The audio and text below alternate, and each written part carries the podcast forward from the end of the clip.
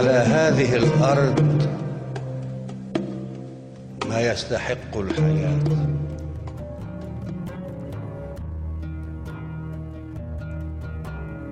محمود درويش يسميه البعض شاعر فلسطين وهو كما يقول النقاد أحد أهم الشعراء الفلسطينيين والعرب. كان خير من تحدث عن الثورة والوطن وساهم عبر قصائده الخالدة في تطوير الشعر العربي الحديث.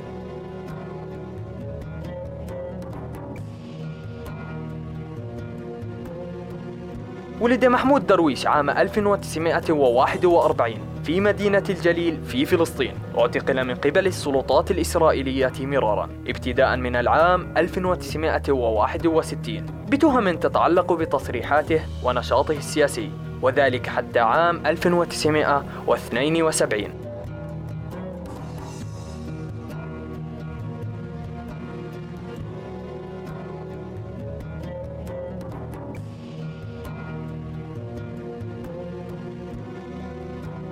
بدأ محمود بكتابة الشعر في عمر مبكر وقد لاقى تشجيعا من بعض معلميه آنذاك. وفي يوم الذكرى العاشرة للنكبة ألقى قصيدة بعنوان أخي العبري في احتفال أقامته مدرسته. كانت القصيدة مقارنة بين ظروف حياة الأطفال العرب مقابل اليهود استدعي على إثرها إلى مكتب الحاكم العسكري الذي قام بتهديده وهدده بفصل أبيه عن العمل في المحجر إذا استمر بتأليف أشعار مشابهة. هذا البحر لي هذا الهواء الرطب لي. واسمي وإن أخطأت لفظ اسمي على التابوت لي. أما أنا وقد امتلأت بكل أسباب الغياب فلست لي أنا لست لي.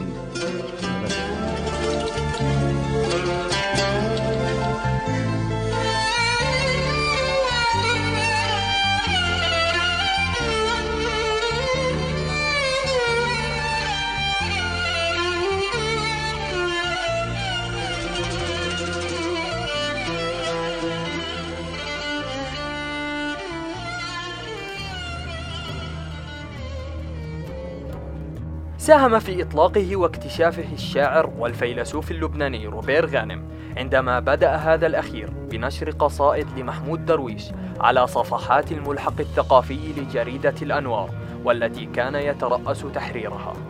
تمسك محمود درويش بقضية شعبه وأرضه وحافظ على هويته العربية رغم كل الضغوطات ووصف معاناة الشعب الفلسطيني وحقهم الطبيعي في وطنهم. في شعره بكل الأشكال التي يمكن أن تدخل إلى قلب وعقل القارئ.